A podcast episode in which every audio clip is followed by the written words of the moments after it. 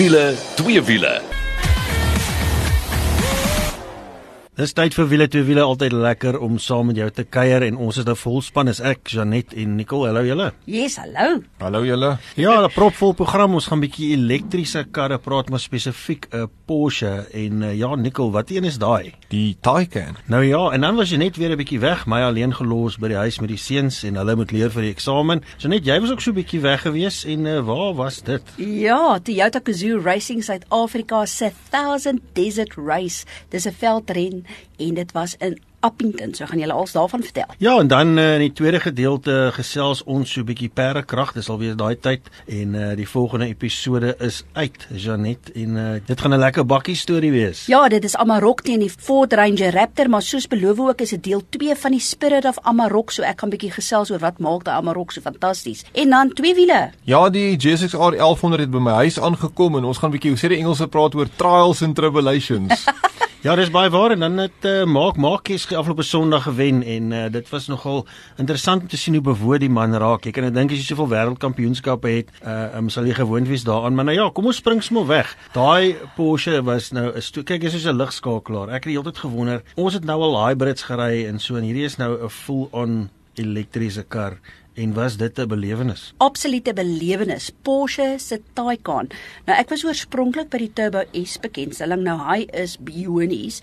Hierdie Taycan is nou die intree model, maar nog steeds elektries en fantasties. Maar voor ons begin kol, jy het dit so pragtig nagemaak. Hoe maak daai kar? Nee man, dis nou Jy sit my nou op die spot toe uit om uitgeklim, was dit baie maklik om so so ja so Star Trek klank. Ek het nooit gedink uh um in 'n vergil. Ek wonder, ek dink hulle het dit as prins gedoen, Nico, want dit klink soos 'n ruimtekar as jy hom plat trap. Wel, dis presies wat my seentjie gesê het. Hy gesê, "Pappa, dis 'n spaceship." So um ja, nee, verseker en ek dink um wat my ook nogals opgevang het die naweek, my seentjie speel met sy remote car, ook elektries. Ons was al lankal geweet dit als gaan elektries. Kyk, die remote car is ons ook nou elektries. Ja, nee presies. maar weet julle wat vir my so uitgestaan het? Ek bedoel ons oors, ons weet elektriese voertuie kom, daar's nou al baie in Suid-Afrika, natuurlik die Porsche Taycan is een van hulle, maar die tegnologie wat agter hierdie voertuig is. Nicole, en dis hoekom jy as ingenieur asseblief nou vir ons moet verduidelik wat gaan hier aan. Kom ons praat net gou oor die werkverrigting van hierdie spesifieke intree model. Ja, ek dink ons moet net gou na die reeks kyk van die Taycan. So hier praat ons van 'n elektriese kar, maar dis nie golfkarretjies nie. Hierdie is vir hoë verrigtingsmotor. So die intree Taycan het een elektriese motor op die agteras wat vir jou 300 kW gee, 345 Nm. Die verskil van daai 345 Nm teenoor 'n binnebrand enjin is dis onmiddellik daar. Dis van 0 rpm al die pad op. Daai elektriese motors kan baie keer opspin tot en met 16000 rpm. Dis hoekom jy ook nie eintlik ratte in 'n elektriese kar nodig het nie. Toevallig hierdie Taycan 'n twee-spoed radkas op die agteras. Die rede is eintlik maar net dat jy by daai topspoed van 230 gaan uitkom want 16000 rpm sal vat vir jou twee ratte om tot daar bo te vat. Onthou die gewone soos elektriese karre met een rad i3s en Leafs en die goed ry so 150 km/h. Ehm um, so ja, sy batterypak is so 80 kWh en dan as ons na die reeks opgaan en jy het gepraat praat van die turbo, maar daar's 'n 4S ook tussenin wat al klaar twee elektriese motors het. Dan kan jy sien die wringkrag verdubbel ewe skielik na 640 toe. En as jy kyk na die Turbo S, hy het twee elektriese motors. Hulle het 'n een-spoed radkas voor op die vooras, twee-spoed agter, maar in totaal praat ons van 560 kW. En hoor hierso, 1050 Newtonmeter. Ek wil jy praat hier van super super kar krag en nog meer. Ek onthou daai bekendstelling, jy moes letterlik jou nek net eers half teen die sitplek vashou voordat jy die launch control doen en uh, dit is bionies. Ek bedoel 0 tot 100 km/h in 2,8 sekondes terwyl die intree model dink ek is 5.4 as ek reg onthou. Ja, dit net is reg is 5.4 sekondes, maar laat ek vir jou sê, dit is die snaakste gevoel om met hierdie kar te ry want hy druk vir jou vas en hy los nie. Dis nie so 'n kar wat as jy jou kop so effens vorentoe gaan vir elke radwissel en so nie. En dan het hulle as jy in sport plus modus hierdie tipe van spaceship klank wat vir jou laat klink jy daar is iets wat gebeur ten minste. Dit is heeltemal net 'n tandarts se boortjie wat afgaan nie. Daar is 'n geluid wat wat gebeur terwyl jy ry. Wat ek ook agtergekom het, kyk die kar is natuurlik swaar met hierdie batterypak. So daai remme vat maar 'n bietjie pak. Ek bedoel ons het daar gaan ry vir daai foto's, daai pragtige video wat jy gemaak het wat die ouens kan gaan kyk op jou Facebook. Ehm um, daai remme vat 'n bietjie pak met al die gewig en jy so vinnig moet stop, maar dis 'n Porsche. Hy hanteer. Ek was eintlik baie verbaas om uit te vind hierdie net net een elektriese motor want hy het so greep om die pad dat dit gevoel het of hy vierwiel aandrywing is. Maar Janet, kom ons praat nou 'n bietjie oor die belangrike ding van 'n elektriese kar en dis rykafstand. Almal is bang my battery gaan pap raak, ek gaan ergens staan. Wat is die rykafstand van hierdie kar? Ja, wat ons hom geklim het, dank seker na afweerry of ek of Janet is, want daar is 'n massive verskil, dit kan ek eerlikwaar vir jou sê. Maar toe ons hom gekry het, was hy goed oor die 400 km wat ons kon gery het, wat vir my baie goed was. Maar dit gaan ook maar seker baie oor die die hoeveelheid batterye en goed wat jy in het nikkel. Ja, so kom ons praat gou 'n bietjie batterye en kapasiteit. Nou, ek het vir Janet ook gesê, sy sê, "Hoe kry mens jou kop om al hierdie goed?" Nou, al wat jy dink is die batterykapasiteit, dink aan liters. Ek wil jy gooi diesel en petrol liters in. Nou in elektrisiteit gooi jy kilowatture in. Dis die dis die eenheid waarmee jy meet. So, hierdie kar se battery is 80 kilowattuur. So jy gooi 80 kilowattuur in. Onthou, Eskom betaal jou so tussen R1.50 en R2 per kilowattuur. So sê net maar dit kos vir jou R160 om hierdie battery dan nou vol te tap. Laat ons dit maar so stel en dan kan jy 400 km ry. So jy sal agterkom dit is omtrent minder as 'n kwart as wat dit in petrol of diesel sou vir jou gekos het om te ry. So dis regtig goedkoop. Maar kom ons kyk gou hoe lank vat dit om hierdie kar te laai, want dit hang nou af van hoe sterk is jou charger, hoeveel krag kan jou charger uitsit. Kaal, jy het hom nie by die huis gelaai nie, want kyk by die huis, ek het hier maar 3.3 kW wat jy uit die muur uit kan vat. Dit gaan vir jou 26 uur vat om daai ding vol te tap. Dis meer as 'n hele dag. Jy het hom ergens gaan inprop, nê? Nee? Ja, ons na winkelsentrum toe gegaan en ek moet vir jou sê dis nogal 'n aantrekking vir mense. Dis ongelooflik. Jy stop by die ding en dan prop jy hom in. Dit is alles so futuristies. Ek moet vir jou sê dit was daai Engelse woord mind-blowing is net ongelooflik om te doen en die hoeveelheid mense wat kyk. Ja, so kom ons praat gou oor die tyd. So ehm um, jy het gelaai het gesien op daai strokie wat uh, Janet vir my gewys het vir vir so uur en 17 minute. Daar was so 34% krag oor. So ek het uitgewerk daai battery laaier wat jy opgekoppel het was omtrent so sê maar 35 kW wat hy kon laai. So as jy nou dink 80 kW, ja, dit gaan so 2 ure, bietjie meer as 2 ure vat dan sy vol, maar hy was nie heeltemal leeg toe hulle daar gestop het nie.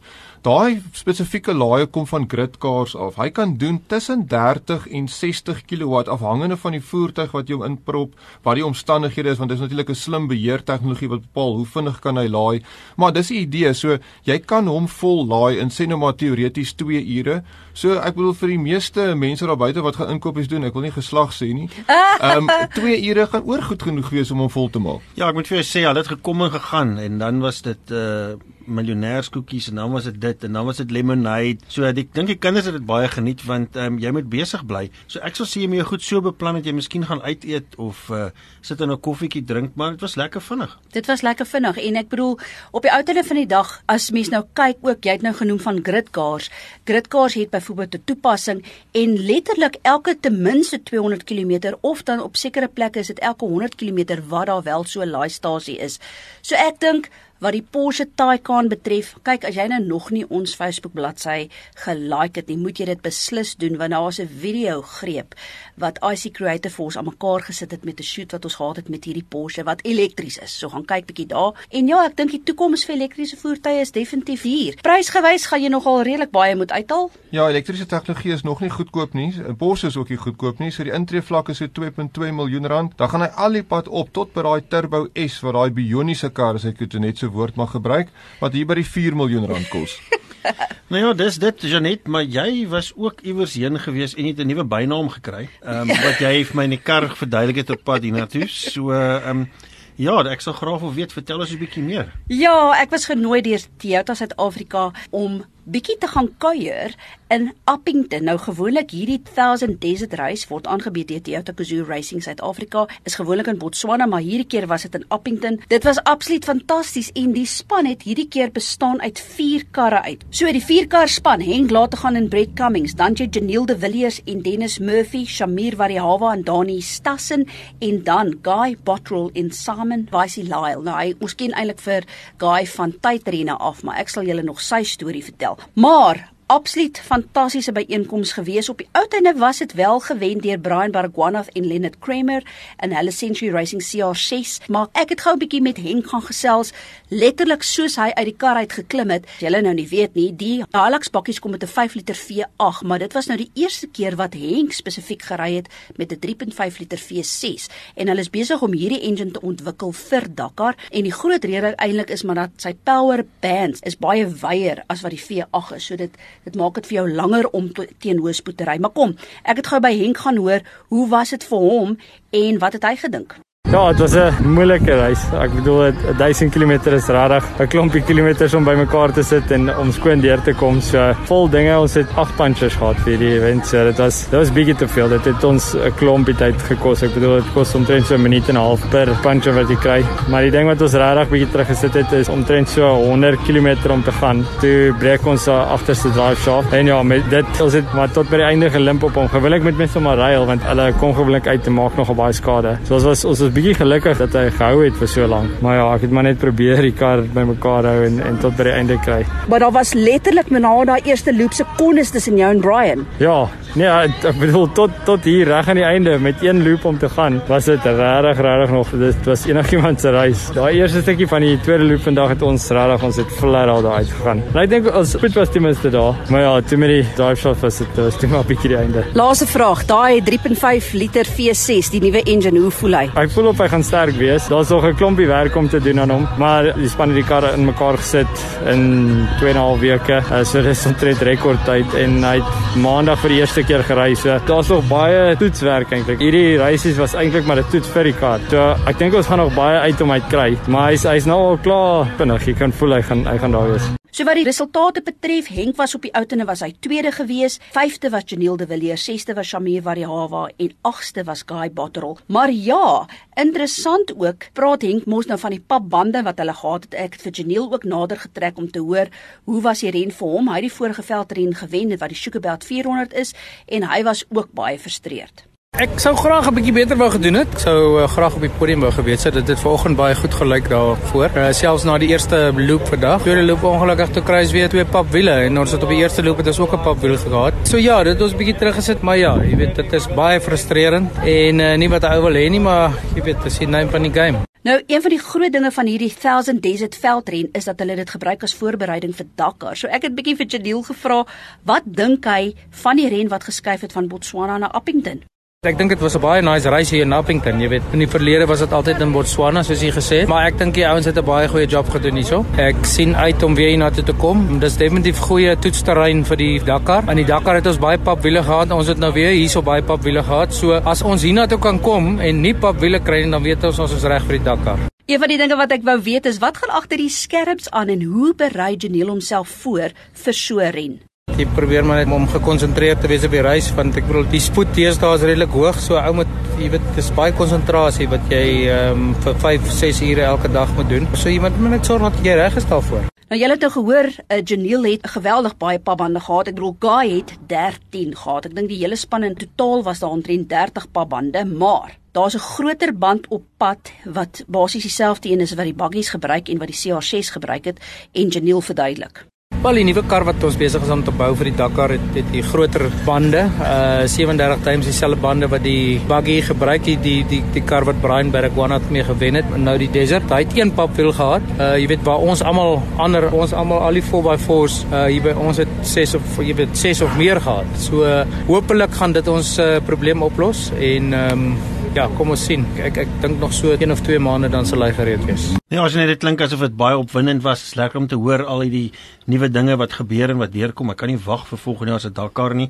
En ek glo die veranderinge sal regtig baie help en veral met iemand soos Glen Hall wat in beheer is van sake daar. Ek bedoel hy weet wat hy doen. So ja, kan nie wag om te kyk uh, hoe hierdie Hilux volgende jaar gaan doen nie. En voor ons gaan asem skep, julle ATKV se diverse en inklusiewe kultuurtuiste vir Afrikaans spreek en ek maak nie saak hoe jou Afrikaans klink nie.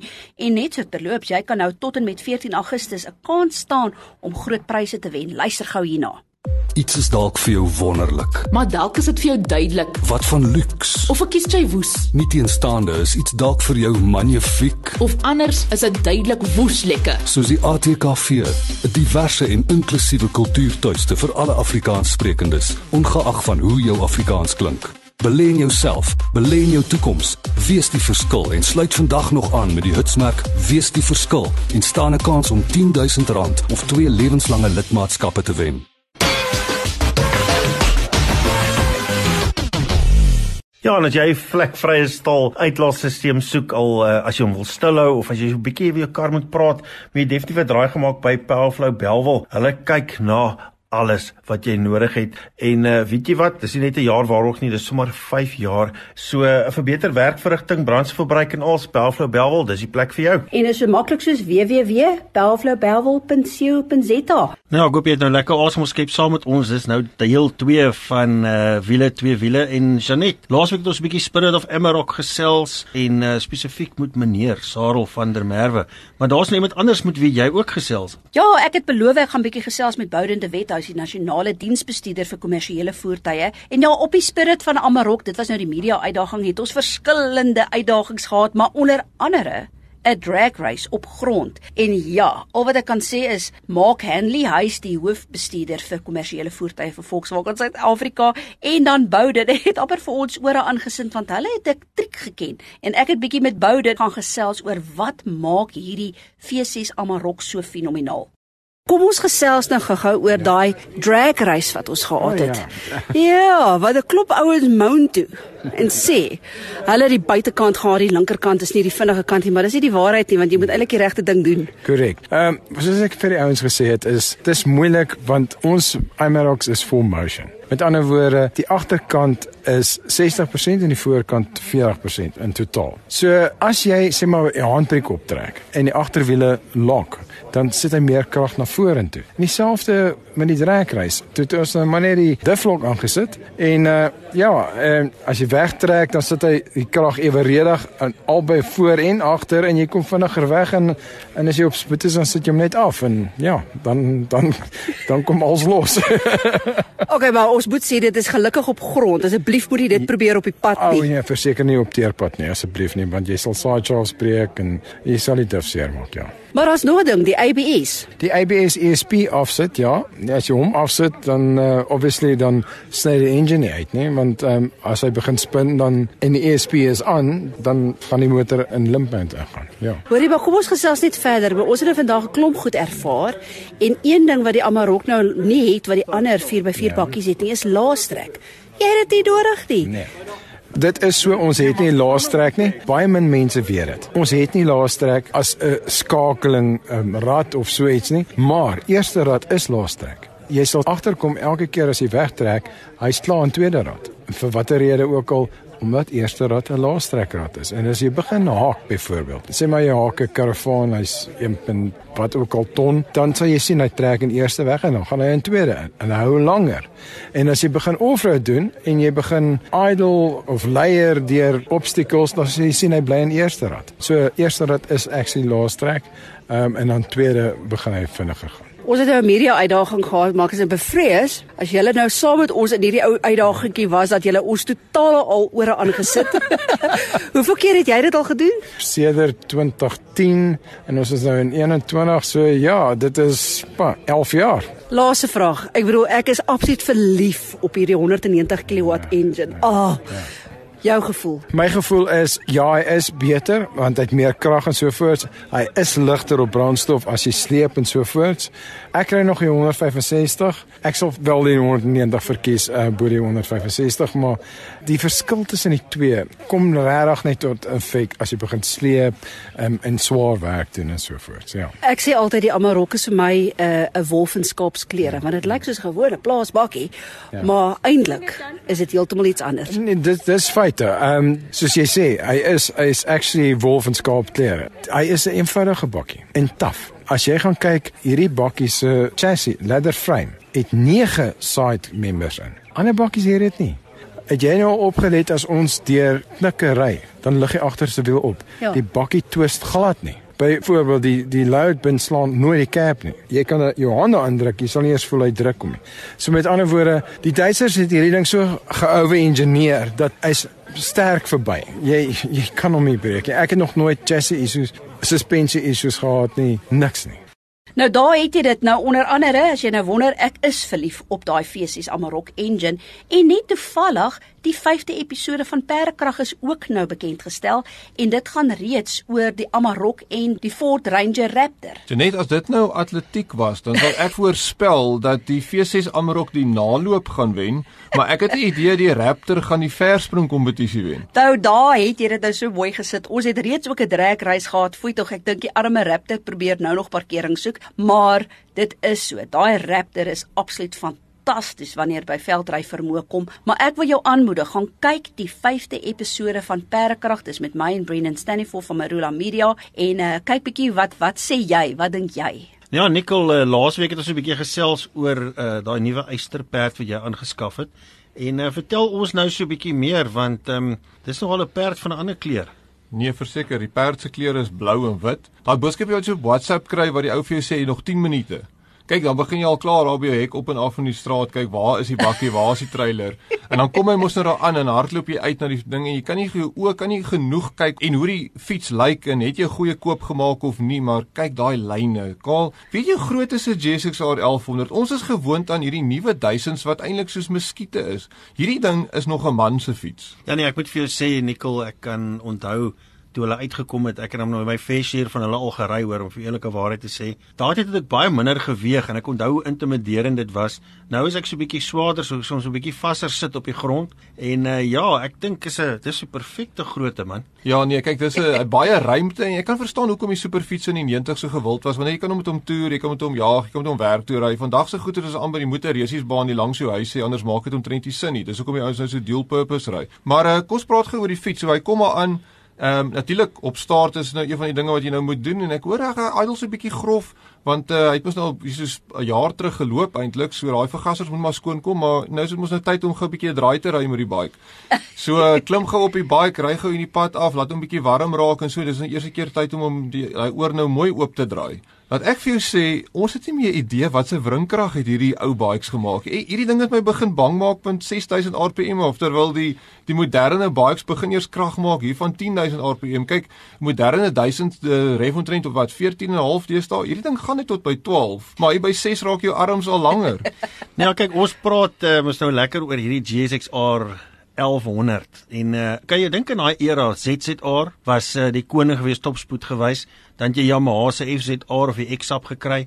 Jy het uh, Honda het 'n CBR gehad uh, 1000 wat nie so vinnig was nie en uh, ja Kawasaki Honda Suzuki Yamaha dit was die groot dinge en dit het, het alles gegaan oor kapasiteit maak nie saak hoe swaar is nie die ding moet soos 'n missiel vorentoe kan gaan en hierdie WP was baie skaars geweest ek bedoel ek weet die vorige modelle jou M en soos ook 'n baie gewilde model Maar Nicole, jou ervaring, dit bly dan lekker nie. Nee, dis definitief iets anders. Ek moet sê die remme moet ook nog uitgesorteer word, maar ek dink jy kom agter die remme is 'n bietjie kort as omdat die engine so sterk is. So jy jy's baie vinniger waar jy gedink het jy gaan wees. Daai klank ook. Daai daai is die moderne goed klinkie so Nicole. Hierdie ding klink soos oorlog man. Nee, en ek weet en jy het moet baie guts nodig, nê. Nee. As jy daai oordraai, dan moet jy vashou. Ek bedoel Hy ding wil net loop. Dis ongelooflik. Ja, ek is bietjie bang vir die draaie. Ek sal nog maar eers 'n paar bandjies vervang hierso en die remme moet uitgesorteer wees en kyk dat die skopbrekers als reg is, maar ja, daar's heelwat werk op die fiets. Ehm um, dis nie altyd positief as jy 'n uh, ou fiets koop nie, want uh, ek ry toe gaan maak hom vol brandstof, parkeer hom in die garage, so ek weet nie garage kom net om te gaan kyk hoe lyk hy nog toe die helfte van die tank op die grond, toe die diafragma vasgehak, die kaap het geoorvloei en alles ryk na petrol. My vrou se jazz ook. So ek is nou weer in die moeilikheid alweer. Ai ai ai, maar hoorie as julle wil sien hoe lyk hierdie nuwe projek van Nicole, moet julle tog bietjie gaan loer op ons Facebook bladsy, dis wiele twee wiele. Maar hoorie van twee wiele gepraat. 'n Baie emosionele man na die MotoGP van die afgelope naweek. Ja, ek dink dit was oor die 500 dae en Mark Marquez uh het weer op die nommer 1 plek gaan staan op die podium en dit oh. was ongelooflik om te sien. Wie weet was vir my die beste is ou soos Fabio Quartararo en daai ouens was bly saam met hom. Jy kon dit nou nie aanskou nie want jy het in die duine rondgehardloop. ja, Janet, dit was vir my baie goed om te sien. Ek dink is goed vir die sport. Ek dink nie hy staan 'n kans hierdie jaar om die kampioenskap te vat nie. Daarvoor is hy te ver agter. Ons eie Brad Binder het 'n baie goeie vierde plek gekry. Ek moet sê dit nog so 'n paar laps langer was dan was Quartararo miskien nie op die op die derde plek nie. Maar uh, ja, baie goed gewees. Lekker om te sien en die man was so emosioneel Uh, ek het homself ook 'n knoppie in my keel gekry. Oh. Maar nou ja, dit is dit en ek dink dit gaan goed wees vir die res van die seisoen en net vir sy selfvertroue. Nou toe, dit is dit vir wiele twee wiele. Dankie dat jy saam met ons gekuier het. Jy weet wat om te doen. Jy moet verseker ons Facebook bladsy besoek, maar tot volgende week toe. Hou daai wiele aan die rol.